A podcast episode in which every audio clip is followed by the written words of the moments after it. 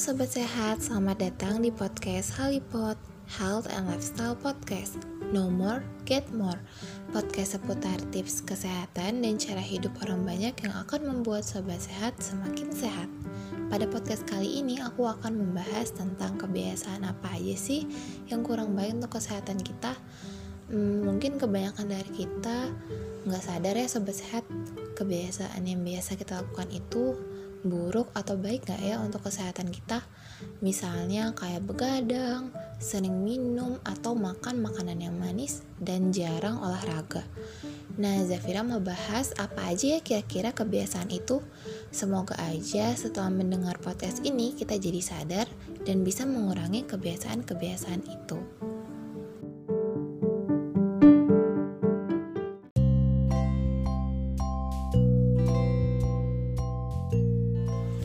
Gaya hidup yang kita jalani saat ini memang banyak dimudahkan berkat kemajuan teknologi dan banyak banget ya sekarang pilihan makanan yang bisa kita dapatkan.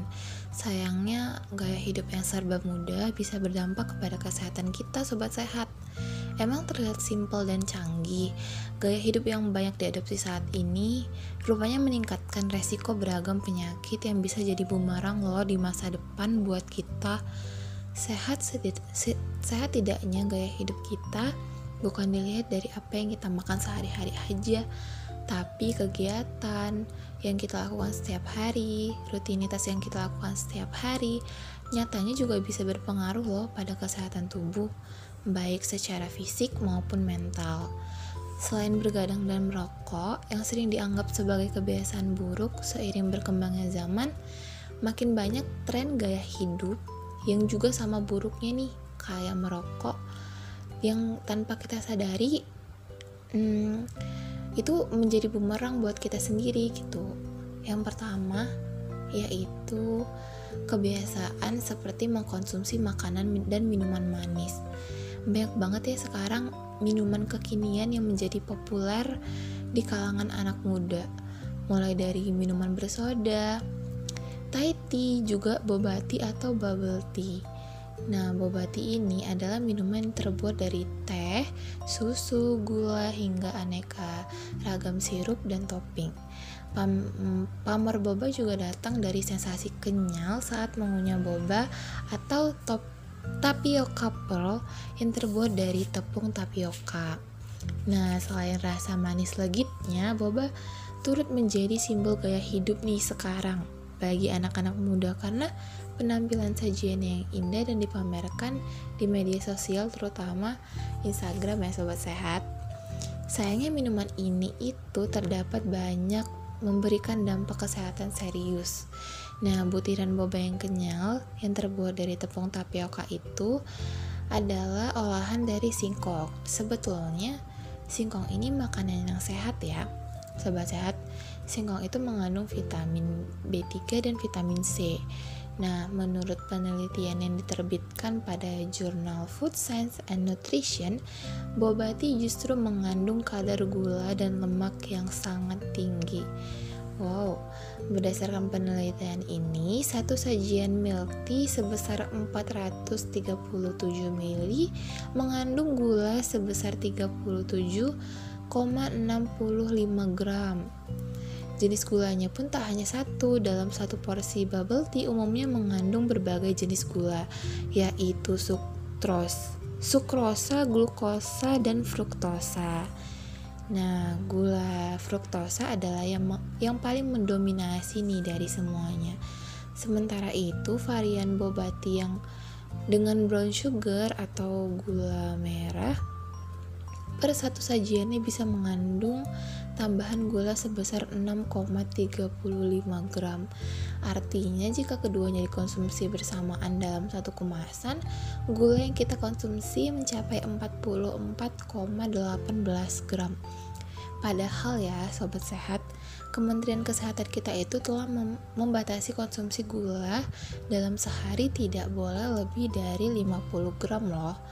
Nah, satu gelas boba dengan ukuran sedang sudah menyumbang 88% asupan gula harian. Nah, menurut penelitian yang terbit pada jurnal Nutrition dan Metabolism menunjukkan Konsumsi minuman tinggi gula fruktosa secara berlebihan dapat meningkatkan resiko diabetes tipe 2 dan obesitas.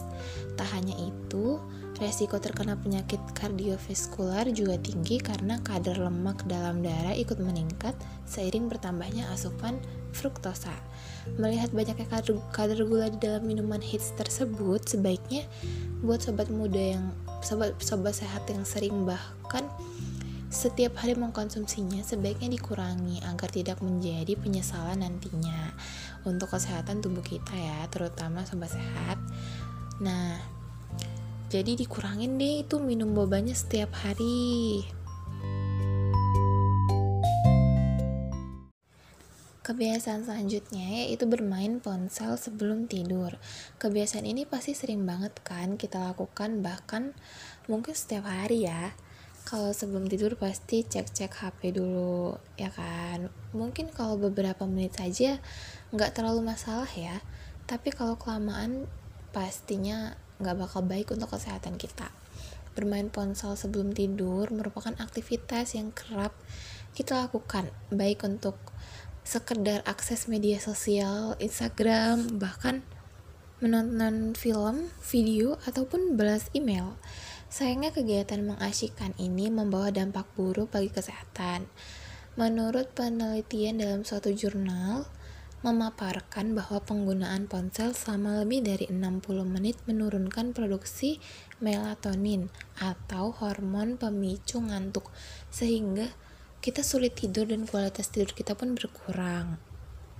Riset lain yang terbit pada Journal of the National Sleep Foundation menunjukkan jumlah melatonin yang berkurang semakin signifikan ketika kita main ponsel saat kamar dalam keadaan gelap.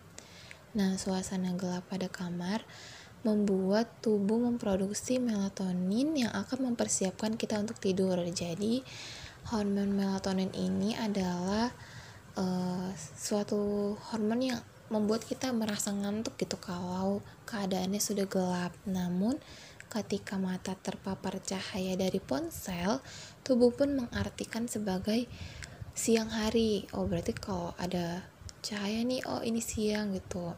Sehingga produksi melatonin itu direm dalam tubuh kita. Efeknya apa? Efeknya pun kita bakal ngerasa badan kita tuh segar dan tidur pun tertunda. Nah, pada penemuan lain, menggunakan ponsel sebelum tidur juga menyebabkan gangguan tidur. Gangguan tidur erat kaitannya dengan dengan masalah pada metabolisme tubuh, masalah pada sel di pembuluh darah dan masalah pada pembuluh limfa. Akibatnya apa? Akibatnya tidak cuma meningkatkan resiko penyakit kardiovaskular pun meningkat, tapi juga obesitas, dan diabetes. Nah, tekanan darah pun ikut meningkat dan beresiko hipertensi seiring gangguan tidur pun makin lama dibiarkan. Selain itu, penggunaan ponsel terlalu sering juga berdampak pada mental anak muda. Nah, penelitian ini memaparkan penggunaan ponsel berlebihan pada anak muda dapat meningkatkan resiko depresi dan masalah kognitif otak. Nah, proses menging mengingat jangka panjang dan menurunkan uh, akibat kurang tidur yang kemudian berefek pada penurunan kemampuannya dalam belajar. Nah, makanya dianjurkan banget ya untuk remaja ini apalagi yang paling sering bergadang, sebaiknya dikurangi deh. Jika ada tugas, kerjakan aja pada pagi hari ataupun siang hari nih. Nah, selanjutnya siapa nih yang sering minum kopi susu manis? kopi susu kayaknya udah menjadi kebiasaan minuman sehari-hari ya pada generasi sekarang setiap ke kedai kopi ke coffee shop pasti pesannya kopi susu. Soalnya lagi viral-viral banget nih gitu ya kan. Bahkan es kopi ini juga tersedia dalam ukuran literan saking banyaknya peminatnya. Sebenarnya kopi kopi ini bermanfaat untuk apa sih dalam tubuh?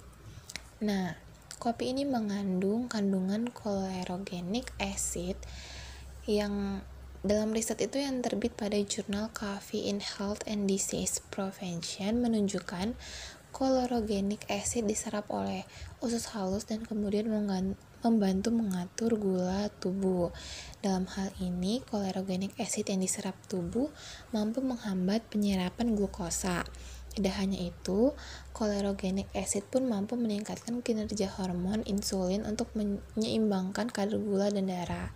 Meski demikian, riset menunjukkan bahwa penambahan susu pada kopi mampu mengurangi kadar chlorogenic acid dalam tubuh hingga 28%. Nah, terlebih kopi susu juga menjadi simbol dan gaya hidup ya. Buat milenial in milenial saat ini it, itu tuh enggak itu tuh gulanya baik banget.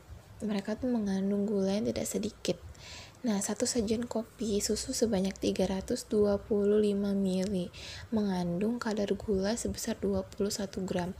Artinya jika minum satu gelas kopi susu, kita telah mengkonsumsi lebih dari 50% dari batas asupan gula yang ditetapkan Kementerian Kesehatan.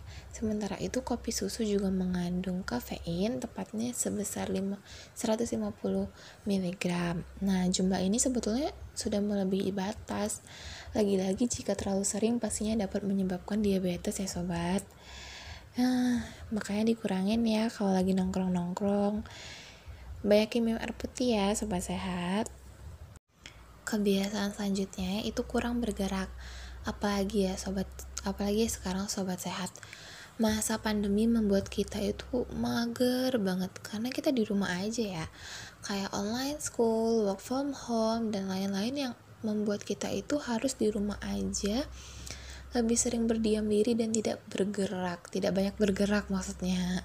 Kemudahan teknologi membuat kita mudah menjangkau apa pun dari gawai, kayak belajar, bekerja, menonton film, makan, minum, bahkan semuanya bisa dilakukan di atas kasur.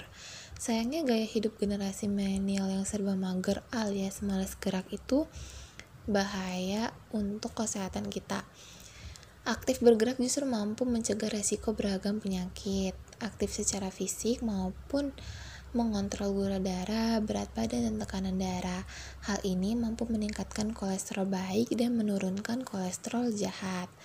Nah, Badan Pusat Statistik menunjukkan partisipasi olahraga di Indonesia masih terbilang rendah. Bahkan hanya ada 35,7% penduduk Indonesia yang rajin berolahraga.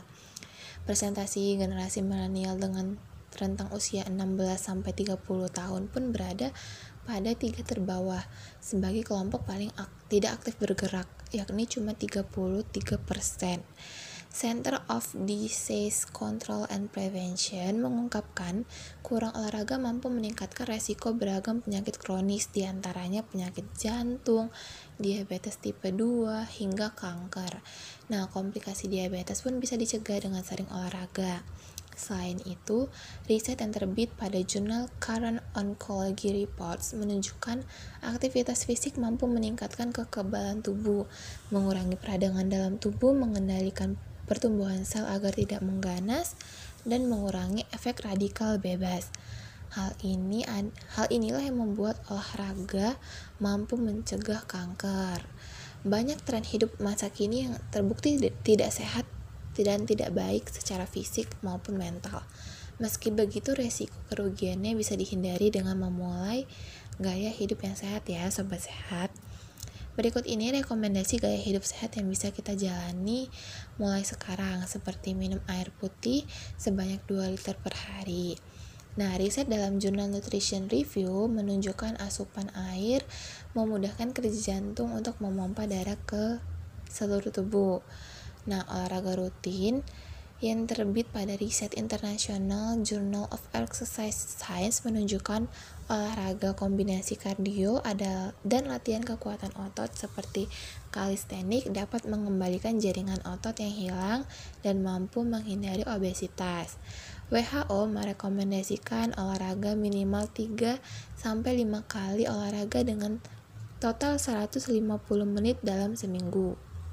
Nah, konsumsi makanannya juga harus yang sehat ya sobat kayak konsumsi buah dan sayur konsumsi uh, buah dan sayur yang mengandung vitamin dan mineral yang berguna untuk memenuhi gizi harian selain itu serat pada sayur dan buah mampu menjaga kesehatan pencernaan agar terhindar dari sembelit bahkan kanker usus. Perbanyak aktivitas luar ruangan. Sinar matahari di luar ruangan mampu meningkatkan vitamin D pada tubuh sehingga mampu mencegah osteoporosis, mencegah stroke hingga depresi. Tidak cukup selama 8 jam, tidur cukup bermanfaat untuk mencegah uh, penyakit jantung, terhindar dari obesitas dan menurunkan stres sehingga mood selalu stabil. Selain itu kita juga disarankan untuk mengonsumsi makanan sehat dan menghindari stres agar terhindar dari penyakit. Masih banyak ya kebiasaan-kebiasaan buruk yang harus kita kurangin ya sobat sehat. Kebiasaan yang udah Zafira sebutin tadi, jika satu saja sudah kita kurangi kebiasaannya, maka kita akan mendapat manfaat yang baik nantinya.